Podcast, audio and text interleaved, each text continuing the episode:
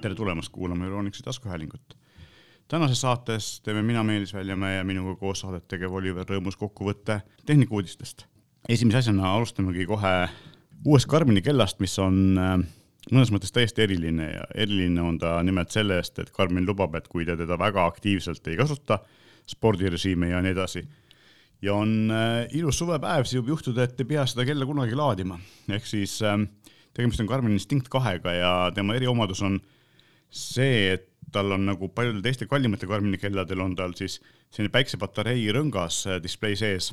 erinevalt eelmisest mudelist on see päiksepatarei tehtud suuremaks ja akutarve on tehtud väiksemaks, mis tähendab seda, et kui te kasutate seda lihtsalt kellana ja annate talle piisavalt palju valgust, Garmin ise ütleb, et siis kuni kolm tundi päevas normaalse valguse käes, ei pea olema väga ere päikesevalgusega, piisavalt valge päev Eh, ei pea teda seda kunagi laadima, loomulikult kui te panete tööle GPS-i või, või kasutada seal mingeid muid siis nutifunktsioone, siis ta terve, noh siis ta ikka peab teda aeg-ajalt ka nii-öelda juhtmega laadima, et eh, siis ta ainult päikesepatareist toituda ei saa. aga kui sa lähed kuskile matkama, lihtsalt loed samme, siis on täiesti ideaalne, eks ole. ja mis on veel muutunud, on see, et kui eelmine instinkt samamoodi selle jaoks, et aku kestaks võimalikult kaua, oli hästi kehva resolutsiooniga ekraaniga ja seal oli peal hästi vähe sellist spordifunktsiooni ja üldse võimalusi. Siis sellel uuel mudelil on äh, esiteks on ekraan paremaks läinud, ta ei ole küll sama nagu Karmini teistel spordikelladel kakssada nelikümmend pikslit, vaid no sada seitsekümmend kuus, et ta natuke on ikkagi sihuke hõre või mm., või näeb sihuke odav välja.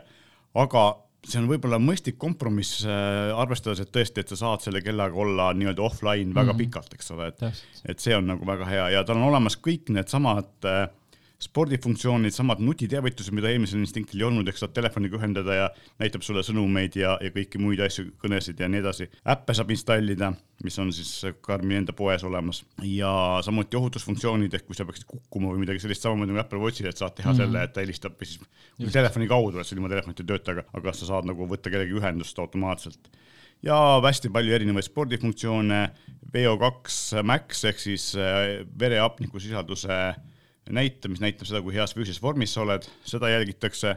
loomulikult une jälgimine on peal, stressitaseme jälgimine on peal, pulsimõõtja, pulsimõõtjat saab nüüd ka jagada nagu kallimatel Karmini kelladel, ehk siis kui sul on näiteks Peloton, eh, mis on USA-s hästi populaarne, eks ole, treenažöör, või mm -hmm. siis kui sul on Karmini eh, rattakompuutrist, siis sa saad eh, randme pealt pulssi saata sinna rattakompuutrisse, et sa ei pea panema endale vööd peale, mis on väga hea. ja üldiselt selline täiesti funktsioonide poolest üsna hea kell, ainuke asi, mida tal ei ole, et tal ei ole muusikamälu sees, eks ole, et sa ei saa Spotify'd salvestada sinna, aga päiksepatareiga versioonil on olemas ka Karvin Pay, nii et maksta sa saad.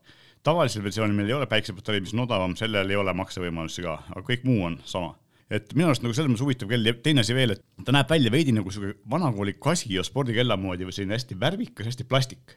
ja see on tehtud meelega sellepärast, et kui kallimatel kelladel, kui nad on seal äh, plastik, tugevast plastikkorpusest või kõvast plastikkorpusest või siis näiteks äh, roostevabast terasest, siis ta, kui sa kukud temaga või loobid teda mm -hmm. kuskile, siis ta kipub kriimustuma, eks ole, sest see kell on tehtud meelega selliseks, et ta ei ole võib-olla super ilus, aga ta on ülirobustne. et äh, ma nägin Youtube'is äh, ülevaatet tegijad loopisid igale poole, astusid talle peale, panid pori sisse, mitte midagi ei juhtu mm. -hmm. ehk siis, kui sa ikkagi, ta on mõeldud nagu selline nii-öelda ultraraged, eks ole, et ta on üli, ülitugev ja, ja selline ülivastupidav ja, ja selle juures ka veel ülikerge, et. no täpselt, ega ta ei olegi jah mõeldud selle galale või paned, eks ole, kenasti omale siin käe, käe peale, et pigem on ikka jah siuke, et kui lähedki matkama ja ja noh, tõesti, kui ta siin, kui sa ikka ise kukud, eks ole, et et ikkagi püsib nii-öelda tervena, et see on nagu. mina nimetaks seda võib-olla džunglikellaks, et lähed lauasaunasesse, eks ole, seal nagu päikest on palju ja, ja midagi muud ei ole, eks siis, siis on, peab hästi vastu. või siis kõrb, kõrbekell. just, täpselt, liiva sees peab ka väga hästi vastu muideks, kuna ta on täiesti noh, hermeetiliselt suletud ja loomulikult ka veekindel. ja GPS on peal, mida ma just. mainisin juba, eks ole, et, et kui on vaja ikkagi jooksu või mingit äh, sellist äh, vahemaad mõõta, siis seda ta teeb ka äh, täitsa suurepäraselt, nagu kõik Karmini kellad, GPS on neil väga hea. ja värvivalik on lai, et on siukseid rohekaid, on punaka, oranži, loomulikult klassikalist musta ja hinnad on äh, kuskil sinna, kõige lihtsamad on kolmesaja viiekümne euro kandis ja siis äh, suuremad ja väiksepatareiga variandid on sinna viiesaja euro kanti, nad on ka läinud kallimaks kui, kui Karmini vanad kellad. Või noh, varem, vanem instinkt, eks ole, aga, aga samas võimalusi on nii palju juurde tekkinud, et see hind on ilmselgelt õigustatud ennast, et on suur edasiminek Karmini poolt ja noh, on näha, et nad on teinud selle aku kestvuse ja päiksepatarei äh, efektiivsuse kõvasti tööd, et kui see eelmine mm. aasta tuli, tulist oli veidi selline põnev lahendus, aga võib-olla mitte väga praktiline, sest praegu on näha, et sellistel instinkti tüüpi kelladel ta muutub ikkagi väga praktiliseks, eks. see on nagu asi, mis, mis on äh, ilmselt selline koht, kuhu nad üritavad ka tulevikus äh, rohkem rõhku pöörata, et kui me siin mõni aeg tagasi rääkisime Phoenixist ja Epicist, siis Phoenixil on ka ju päiksepatarei peal ja kuigi nemad seal kellal ei luba igavesti käimist ilma laadimiseta, siis vähemalt ta sellistes kohtades, kus laadida ei saa, pikendab seda eluiga päris pikalt, on ju korralikult. aga lähme võib-olla edasi kellade juurest natukene sellistele kontori moodi asjade juurde, et ähm, Google'i Chrome OS-ist ja Chrome'ist äh, rääkisime me siin just mõni saade tagasi. ja vahepeal on teil tulnud selline huvitav liigutus, et äh, Chrome OS Flex on uus operatsioonisüsteem, mis teeb igast vanast arvutist Chromebooki, töötab nii Windowsiga arvutite kui Macide peal ja mina olen seda kunagi taolist asja proovinud, seda nii-öelda Cloud Ready oli selline firma, kes või selline platvorm, mida pakkus äh, tootja Neverware, kes tegigi siis Chrome OS-i põhise äh, tarkvara, mida sai installida suvalisele vanemale arvutile kuna see ei olnud Google'i poolt ametlikult toetatud, siis ta ei toetanud mõningaid Google'i erilahendusi ja Assistant ei toetanud, Androidi telefoni tuge ei olnud, selliseid asju. ja mõni aasta tagasi ostis Google Cloud Ready ära ja siis kõik arvasid, ah, et nad tahtsid nagu konkurentsist lahti saada või selles mõttes, mitte konkurentsist lahti saada, vaid see, et keegi nii-öelda ei, ei takistaks nende Chromebookide mm -hmm. müüki. aga nüüd on selge, et tegelikult on ju asi selles, et nad tahtsid lihtsalt, äh, nägid, et see on hea asi ja nad tahavad ise seda pakkuda mm -hmm. ja miks mitte hakata nullist ehitama. miks see hea on, on see hea sellepärast, et kui on koolid, eh, lasteaiad, mõned muud firmad, kellel on vaja väga palju arvuteid korraga tööle panna ja samal ajal ei ole nagu ressursse, et neid osta, siis tegelikult mm -hmm. väga palju liigub selliseid teise eh, ringi kasutavad äriklassi ülearvuteid ka Eestis, eriti aga mujal maailmas eriti palju, kus on kuskil pankade või, või selliste suuremate firmade poolt äh, nende rotatsiooni korras välja vahetatud mõni paar-kolm aastat vanad, isegi mm -hmm. tegelikult veidi vanemad. või kui inimestel on kodus praegu, on kodukontorid, äh, eks ole, me just rääkisime siin, lapsed lähevad kooli, siis äh, ei ole nagu võimalik osta uut arvutit ja mingi viis või isegi kümme aastat vana arvuti töötab, aga Windowsis on ta hästi aeglane selle peale, eks mhm, ole, sest ta on moraalselt jalgu jäänud ja Windows kümmet või isegi üht-teist sinna enam peale panna ei kannata. siis Chrome OS töötab selle peal suurepäraselt ja, ja saabki lapsele kooli jaoks arvuti, eks ole, et ei pea ostma uut. super jah, muidugi. Eh, lihtne on ta veel selle poolest, et see installer käib uuesti mälupulgale, saad ära proovida, kas arvuti, asi sinu arvutis töötab või kas ta sulle üldse sobib. kui ei sobi, võtad pulga välja, teed arvutile taaskäivituse ja on sul vana Windows või Mac OS tagasi, eks ole. ja kui tundub, et ahah, et seda ma tahan ikkagi kasutada nagu pidevalt ja ja kasutada ära siis seda arvuti sisemälu, mis on kiirem, eks ole, siis ma saan ta mm -hmm. päris mhm. mugavalt sinna peale installida ja ilmselt nii, et iga inimene või vähemalt enamus tehnikateadlikke inimesi oskab seda teha, keegi kindlasti, igaüks leiab kellegi, kes oskab seda no, installida. Tegelikult on tegemist siis sellise Eh, selle koha pealt väga tänuväärse tegevusega, et see annab eh, vanadele arvutitele uue elu ja vähendab meie e-prügi, eks ole, või sellist, et, et Google'i poolt väga hea liigutus, et lõpuks me saime aru, miks nad selle Neverware'i ära ostsid ja, ja mis plaanid neil eh, sellega on. ilmselgelt, noh, ma kujutan ette kuskil ka Aafrika riikides, kuhu annetatakse vanemaid arvuteid päris palju, et seal on see nagu täiesti asendamatu, eks ole, ja loomulikult nagu Chrome OS-i puhul ikka, siis IT-adminid saavad paigaldada selle ja, ja vahetada kasutajaid, ma ei tea, sajal või tuhandel arvutil korraga mm, -hmm. nii et, et selles mõttes selline skaleeritavus on siin ka ole, olemas erinevalt äh, Windowsist, mida saab ka noh, samamoodi teha, aga ta on palju keerulisem. aga lähme vahepeal korraks äh, kodumaiste uudiste juurde, nimelt pikka aega on otsitud mobiil-ID-le asendust. Äh, minu jaoks on see isegi selles mõttes nagu huvitav, et kuna meil sertifitseerimiskeskus tegi pankade, pankade Telia poolt loodud firma tegi kunagi alguses kunagi mobiil-ID riigi tellimusel ja pärast seda tegid nad äh, Smart-ID, mis on selline ilma SIM-kaardita töötav lahendus, eks ole, ja riik ei tahtnud seda kuidagi omaks võtta, kuna see oli kallis, sellest küsiti nagu raha mm, ja nii edasi.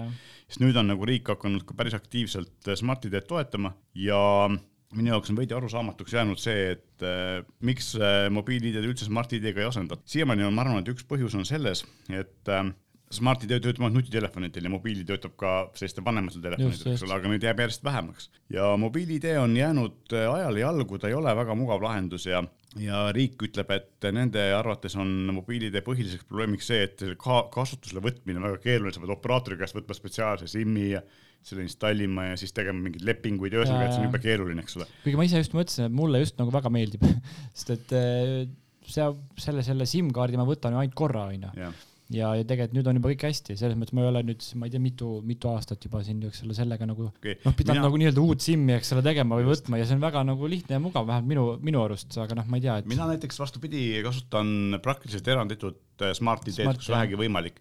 mul on mõlemad olemas, mul on mobiil-ID ka olemas ja kuigi nad on mul kõrvuti, mul on seesama mm -hmm. samamoodi, et mul on mitu telefoni vahepeal vahetunud ja vahepeal oleme siin proovinud ka nii-öelda mm -hmm. demotelefone ja, ja ka sama SIM-kaart on kogu aeg, eks ole. aga vahe on selles, et äh, esiteks mulle tundub, et Smart-ID on kõvasti kiirem. kiirem ja seda, seda ma olen kuulnud jah. teiseks mulle tundub, see on see, et, et näiteks ma ei tea, kuidas, vot ma ei ole iPhone'i kasutaja, ma ei tea, kuidas iPhone'il on, aga, aga Androidi puhul on niimoodi, et kui tuleb see mobiil-ID sõnum, siis ma tükin oma koodi sisse, siis ma pean otsima üles seda sealt tarkvaralist okei okay nuppu vajutama seda, et ma ei saa vajutada klaviatuuri peal enterit ja siis ta ei aktiveeru mul kohe. et okay. see on nagu tüütu, et Smart-ID-l on, need nupud on kõvasti suuremad, on kõvasti mugavamad ja põhiline on jah see, et Smart-ID on nii see sõnumi ettetulek kui ka selle eh, reageerimine, millal ta jõuab siis pangani või kuhu iganes on, noh, see on küll sekundi murdosade vahe mm, -hmm. aga ta on tuntavalt, märgatavalt kiirem. jah, tuleb, tunni, tuleb tunnistada küll, et ma olen siin oodanud äh, seda kõlli, eks ole, et millal saab selle pinni sinna si sisestada, et sihuke kolmkümmend sekundit vähemalt, et. Äh, just ja mina olen ka Smart-ID-ga oodanud, aga, aga seda juhtub siiski harva. huvitav on jah see, et need mõlemad siis nagu sama ettevõtte poolt tehtud mm. -hmm et see on nagu, nagu asi, mida, mis mobiilid on asi, mis, mis siis äh, riik kavatseb välja vahetada, on teinud nagu siin eelmine aasta tegid konkurents, äh, konkursi äh, uue lahenduse leidmiseks. Ja sinna tuli kaks pakkumist, sertifitseerimiskeskuse oma nad loobusid enne selle konkursi lõpuleviimist, et see ei tundunud neile majanduslikult kasulik. Ja teiseks siis kandideeris sinna üks Belgia firma.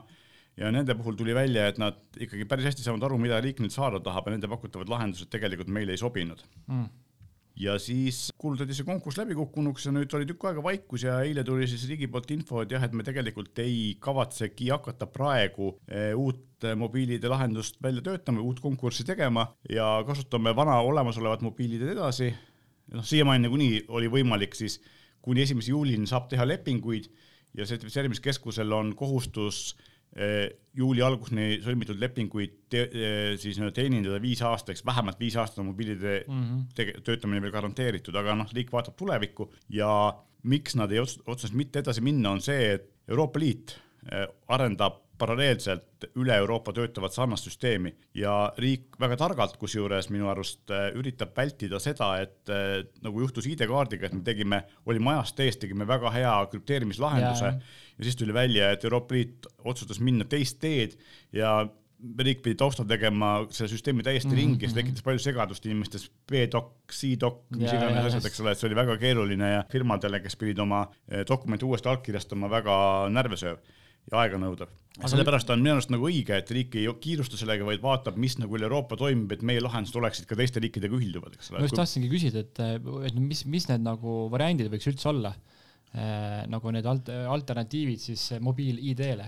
ega ma ei näegi nagu muud lahendust kui sellist Smart-ID sarnast asja, et ma arvan, et paratamatult, kui nad lähevad nagu SIM-kaardist eemale, eemale, siis just. ei saa juhtuda seda, et, et see lahendus hakkab töötama tavaliste nuppudega telefonil, et sel ei ole nagu võimalik, eks ju. aga noh, samas kui palju meil on jäänud järgi nuppudega telefone, eks noh, mitte väga palju noh, mõningatel inimestel on, aga, aga ma tean ka oma nagu siin nii-öelda vanemate sugulaste käest ema ja, ja muud äh, sellised üle kuuekümne sugulased mm, -hmm. nende puhul on ikkagi ka see, et ka nemad lähevad täiesti järk-järgult, täiesti vabatahtlikult muideks nutitelefonidel üle, ka nemad mm -hmm. tahavad suhelda inimestega, ma ei tea, vahetada mingeid videokõnesid ja, ja nii edasi, et äh, tegelikult see nupuga telefon ei ole enam selline fenomen, mida peab arvestama ja, ja ka nutitelefonid odavamad on läinud piisavalt odavaks, et et selle vahetamine ei ole väga kallis, see ainuke asi, mis seal on, tihti peab laadima, eks.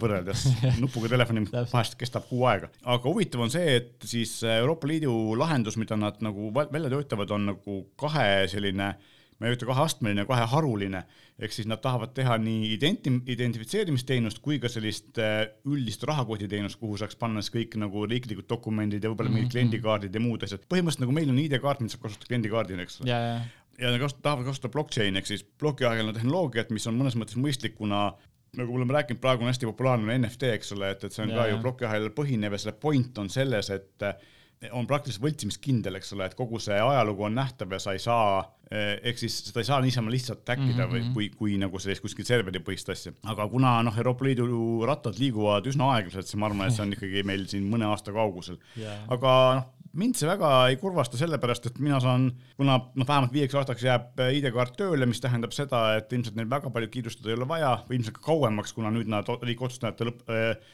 toetab peale selle lepingu lõppemist edasi mm, -hmm. siis ähm, tegelikult ja Smart-ID töötab ka väga hästi, ma saan aru, et Smart-ID on, minu arust on see vahe Eestis selline, et meil on mingi kakssada tuhat mobiil-ID kasutajat, üle kuuesaja tuhande Smart-ID kasutaja, ehk siis see vahe on kordades Smart-ID kasutus, just. ja kunagi oli, alguses oli ju see, et paljud firmad ei tahtnud Smart-ID-d autentimiskasutusele võtta, kuna sa pidid iga autentimiskorra eest päris korraliku summa, mingeid sente küll, aga noh, see mhm. tuli kümne tuhande kasutaja pealt päris suur suva.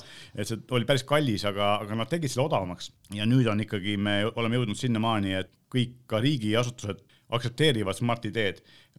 ainuke asi, mida ma ei saanud teha, ma hiljuti käisin ERR-i registris, oli vaja seal mingeid asju ajada ja sain Smart-ID-ga ilusti sisse logida. ma ei saanud Smart-ID-ga allkirjastada, et selleks, et ma nüüd dokumenti allkirjastama pidin Smart, uuesti välja logima mobiil-ID-ga no, sisse logima ja, ja. ja siis mobiil-ID-ga all, all, allkirjastama. Õnneks on see, et, et mul on mõlemad variandid ja ma tõesti, mul ei ole kodus ID-kaardi lugejat, mul küll tööarvutis on ID-kaardi lugeja, kodus arvutis mul ID-kaardi lugejat mm -hmm. üldse ei ole aastaid juba olnud, eelmine kui otsad andis, ma rohkem uut ei ostnud, sest et ja, need mobiilsed lahendused on minu jaoks olnud piisavad.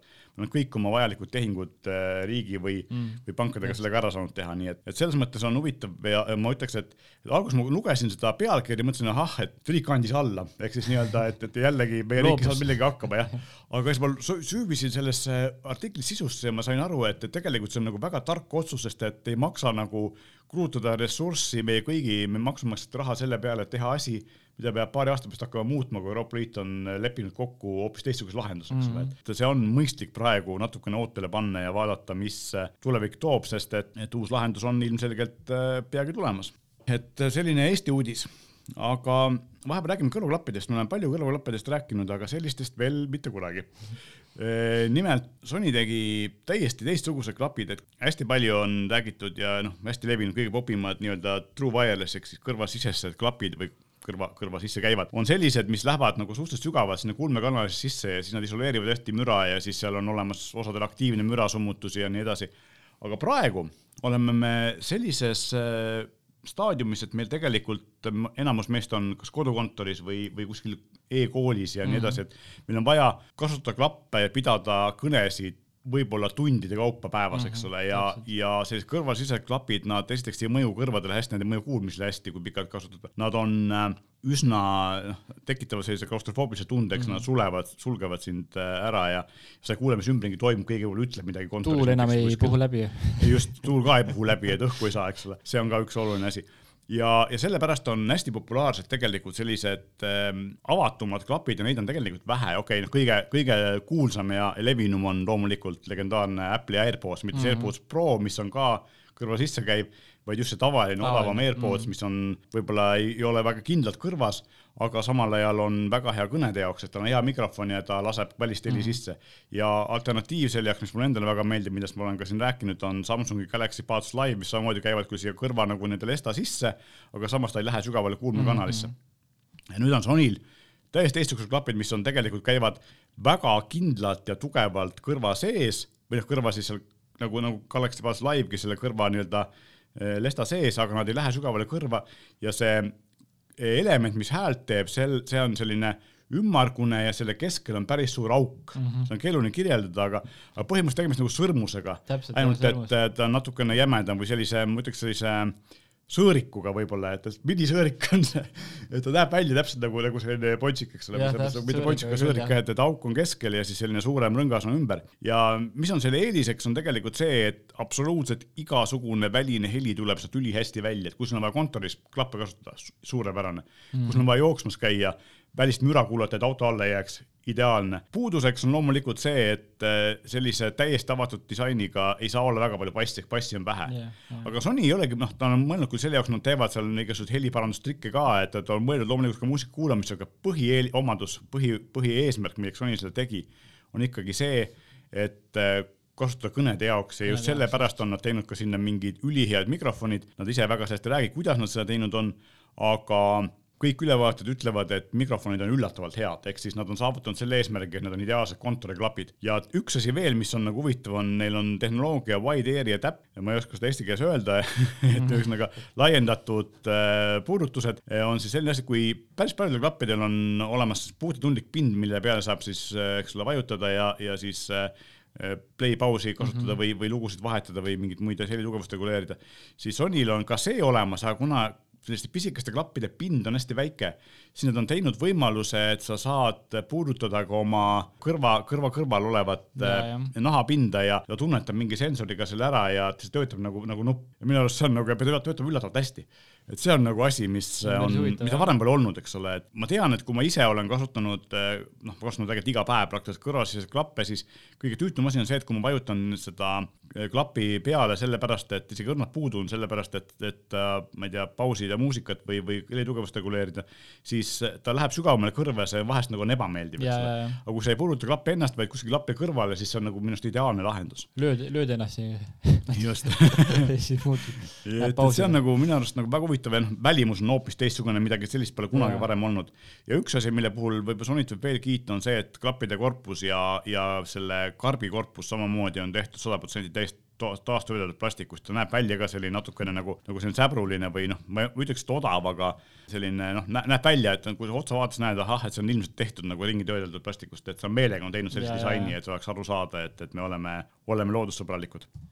ja need ma ütleks, et suhteliselt ideaalsed kontoriklapid on meil müügil sada seitsekümmend üheksa eurot on see hind, et ei ole kõige odavamad klapid, aga nomad, samas nad on selline AirPodsi klassi, nii et ega nad tegelikult nagu väga kallimad ka ei ole ja ma ütleks, et jah, mina eelistaks neid küll just sellepärast, et nad ilmselgelt seisavad kõvasti paremini kõrvas, et, et no Sony on selle peale kõvasti vaeva näinud just selle puhul, et nad oleksid sellised, mis ei kukuks välja. ma just mõtlesin, mida see sõõrik mulle meenutab ja tuli meelde Apple Headquartersi see põhihoone maja. jah, täpselt. Täpselt ongi seest on siuke tühi. Siis Sony võttis Apple'i maja disaini, tegi selle miljon korda väiksemaks. Täpselt. Ja ongi uued klapid valmis. just. Lähme siit võib-olla edasi Apple'i konkurendi Microsofti juurde, kellel on kaks uudist, esimene on äh, see, et äh, Windows üksteist Pro vajab peagi Microsofti kontot ja netiühendust installimiseks siis, et äh, kui Windows üksteist Home vajas seda algusest peale, siis Pro puhul ikkagi oli selle üks, üheks tugevamaks argumendiks see, et, et sa võid selle installida kus iganes, kus internetti ei ole, sa ei pea tegema Microsofti kontot, sa võid olla nii-öelda anonüümne Hmm. siis äh, nüüd nad on seda kurssi muutnud, ma tean, et juba Windows kümnega olid need tegelikult need, need plaanid ja need lükati edasi, sellepärast inimesed ei olnud sellega üldse rahul. et väga palju on neid, kes ütlevad, oi, me ei taha, et suurfirmad meid jälgiks, me ei taha teha mingisuguseid kontosid hmm., aga samas mõnes mõttes on nagu arusaadav, et Microsoft tahab minna sinna suunda, et Windows on samasugune hmm nii-öelda jutumärkides mobiilne operatsioonisüsteem, nagu seda on iOS või Android ja kui nii Apple kui Google vajab äh, telefoni või tahvli arvuti kasutamiseks ju kontot, eks ole, sa ei saa kasutada ilma, ma ei tea, võib-olla Maci saab, aga, aga iPhone'i kindlasti ei saa kasutada ilma, et sa teeks endale Apple'i konto. siis no minu teada ei saa Maci ka normaalselt kasutada. sul on vaja ikka teha Just. see jah, konto ära sinna. et ja Google'i puhul samamoodi, et siis miks Microsoft peaks teistsugune olema, et noh, eeliseks on see, et sa saad eh, salvestada nii-öelda back-up ida oma faile või, või konto andmeid ja, ja saad pärast taastada suvalises kohas, eks ole, et sul on mm -hmm. osad uue seadme, on sul samad asjad eh, olemas uuesti, eks ole. aga negatiivse poole pealt on siis see, et, et sa ei saa olla anonüümne, vaid Microsoft enam-vähem tead, kes sa oled või vähemalt on sul olemas sul mingisugune meiliaadress ja sellised asjad, eks ole, et see on, see on selline natukene kahe otsaga asi aga noh, fakt on see, et, et vaja seda nüüd on ja teine asi, mida siis on vaja, et sul on vaja internetiühendust, ehk siis äh, noh, tänapäeval on see küll enamus kohtades olemas, aga sa ei saa enam installida Windowsit niimoodi, et sul ei ole Microsofti serveriga kohe ühendust mm. pärast saad sa muidugi ilma netiühenduse kasutada, kui tahad, aga installimiseks on see vajalik. mina hakkasin mõtlema selle peale, et huvitav, kuidas tehakse seda, et kui on firmasid, kes installivad seal samamoodi kümme või sada arvutit korraga, et kas neil on ka kuidagi esimene kord, et kas nad ilmselt saavad Windowsi ära installida, aga ilmselt nad ei lase enne nagu sinna täielikult ligi, kui sa oled selle aktiveerimisservise ära teinud mm, -hmm. ehk siis mhm. esimese kasutamisel tuleb ta ilmselt netti ühendada. noh, ei ole ise proovinud, aga tõenäoliselt nii, nii peaks käima. ehk siis ähm, teeb ka IT-adminide elu veidi keerulisemaks. aga kui me Windows üheteistkümnest räägime, siis Windows üheteistkümne tuleb ka, tuli tegelikult juba välja, vaikselt jagatakse esimene äh, suurem nii-öelda siis uuendus peale Windows üheteistkümne väljatulekut. ja mis on muutunud, on see, et äh, puutekraani tugi on kõvasti paremaks läinud ja põhi, põhiline suur, suur nagu selline uuendus on, on siis see, mida Eestis veel ei ole või siin Euroopas on äh, Androidi äppide tugi läbi Amazoni, mida nad lubasid ja nüüd on see siis nagu rahval saadaval ja loomulikult kurdetakse selle üle, et ega neid Androidi äppe seal eriti ei ole, eks see valik on väga väike, Euroopas pole üldse veel midagi saada, et vajab Ameerika Amazoni kontot ja noh, põhiasi, mida inimesed tahavad Androidi äppide puhul teha, on mängida mänge, telefonimänge ja neid seal mm. samamoodi pidavat väga vähe olema. selle uudise valguses mina võtsin ette ja installisin sellise soft-jupi nagu BlueStacks, mis teeb sama asja lihtsalt olemasolevate Windowsi vist minutite vastu tuleb ka Macile eks ma saan Windowsi peal kasutada Androidi äppe ja BlueStacksi eelis on see, et no loomulikult ta ei ole nii sügavalt integreeritud kui Windowsil, ehk siis ta ei ole nagu nii-öelda süsteemi osa, et on ikkagi nii-öelda äpp, mis mängib teist äppi või mm -hmm. virtualiseerib, aga seal on olemas täielik Google Play tugi, eks ma saan installida üks, ükskõik mida, mis Google Play's on ja ma proovisin seda kahte asja. Kindli äh, e-lugeja töötas ideaalselt Windowsi peal mm. ja proovisin ka ühte mängu see töötas ka üsna suurepäraselt, ainuke asi, millest ma aru ei saanud, oli see, et ma ei leidnud sealt nuppu, kust ma saaksin salvestada oma seda nii-öelda progressi. Yeah.. aga muidu hiirega töötas täiesti suurepäraselt nad on teinud päriselt tööd ja BlueStacks on olemas olnud juba kümme aastat ja ma ei ole vähemalt viis aastat seda proovinud ja nüüd ma nagu lihtsalt vaatasin, tahtsin vaadata, milline on see konkurents siis selle Microsofti Androidi äppide toel ja tuleb välja, et see on tegelikult paremas seisus, kui ma oskasin arvata. aga nüüd räägime sinu eri äh, eriteadmistest.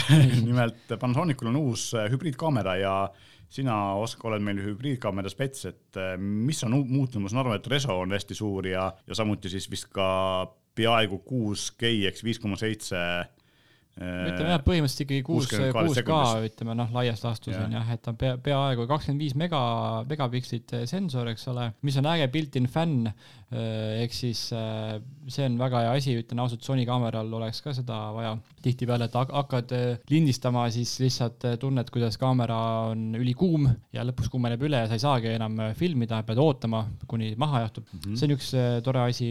ma ei ole ausalt öeldes, ma ei mäleta, kuidas seal GH5-l need numbrid olid, aga tundub, et numbrid on kogu aeg ikkagi läinud äh, ülespoole siin selle GH6-ga ja, ja neliteist äh, kaadrit sekundis, äh, eks ole, pildistamine, jah, pildistamise kiirus, stabilisaator. see on ju peaaegu nagu videot, eks? no põhimõtteliselt jah, ta on ikka korralik, eks ole, täiesti sihuke, just nagu ma arvan, video mõttes ka, see tundub väga hea siuksele, ma ei tea, kas ta isegi nagu vlogerile on nagu hea, ta on ikka päris rets ta on juba sihuke, noh, sellega võid juba tegelikult täitsa filmi teha, et, et tõesti väga-väga head näidud on ja noh, eks siis näis, see ilmus jah, täna öösel äh, tuli siis see teade nii-öelda välja ja, ja kaamera on nüüd nii-öelda väljas, et, et eks saab näha, mis siin äh, on... hakkab siis nii-öelda testimine pihta, et kuidas see siis päriselt nagu töötab. mul on kaks rumalat küsimust, äh, millele võib-olla sina oskad vastata, et ma näen, et siin on ProRes neli kaks kaks, neli kaks kaks HQ tugi, kas mõni teine kaamera ka ProResi toetab?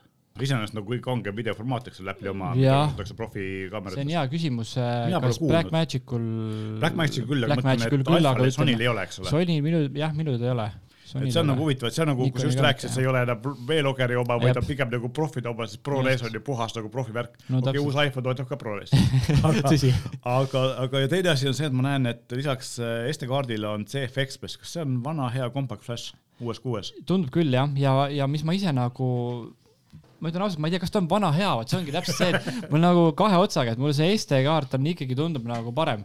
lihtsalt no, ta on väiksem, mugavam, mõnusam. absoluutselt, mis on nagu Compact Flashi noh, jutumärkides eeliseks või noh, võib-olla, ma ei ole mm -hmm. ammu kasutanud, aga on see, et kuna ta on nii suur, siis tegelikult sinna saab panna teoreetiliselt vähemalt, mina arvan rohkem sisu onju. no selles mõttes jah, et, et sinna saab panna kiirema sisu, ehk siis, ehk siis põhimõtteliselt saab sinna ju tänapäeval mahub compact flash'i suuruses asja ära täiesti täisväärtuslik SSD mm. -hmm. täpselt siis... ja siis noh, see, ma arvan, et sel, sellest nagu tuleb ka see, et sa saadki nii-öelda piiramatult ka nagu salvestada, ilma et sul võib-olla sinna asjad üle kuumenevad. just, et SD-kaart kipub kuumenema täpselt, päris kõvasti. Kiire. ja noh, CF Express, ma eeldan, et see on äh, siis äh, PCI Expressi on see mm, puudutab see Ekspress osa, ehk siis ja. ilmselt ta töötabki PC Express inni peal, mis tähendabki seda, et tegemist on põhimõtteliselt eh, SSD toega Compact Flashi kujul. mis tähendab seda, et seal noh, kui sul on ikka vaja salvestada viis koma kuus giga kuuskümmend kaadrit sekundis, siis see andmevahetus peab olema ülikiire, eks ole no,, seal ei saa muud moodi olla okei okay,, ja lõpuks võib-olla räägime mängust, et nimelt ka, ka mängust kahemõtteliselt tegelikult, et välja tulnud uus äge mäng Playstationile Horizon Forbidden West, mida on oodatud siin juba päris pikalt ja, ja kõik saavad seda osta. aga kui sa ei taha seda osta ja tegelikult või kui sa tahad Collector's Editionit, mis praeguseks on välja müüdud ja ilmselt enam juurde ei tule, siis selleks on suurepärane võimalus, nimelt äh, selle mängu väljatuleku auks liigub meil linnas ringi Horizoni ja Euronixi värvides tramm. täpselt nii. ja kui sa tahad seda mängu endale võita või eh, lisa, mitte või, vaid lisaks sellele ka Horizoni logoga ilus seljakott, seljakott, mis, mis sisaldab nänni, just, siis eh, mina otsisin trammi üles ja loomulikult eh, trammi otsides tuleb olla liiklusettevaatlik, et eh, ära trammile ette mine või, või autodele. Ja tee sellest trammist pilt postita see meie Instagrami või postita see enda Instagrami feed'i, tag'i meid, Euronics Eesti ja loosime kahekümne 20 kuuendal ilmselt, eks kahekümne viiendani saab postitada.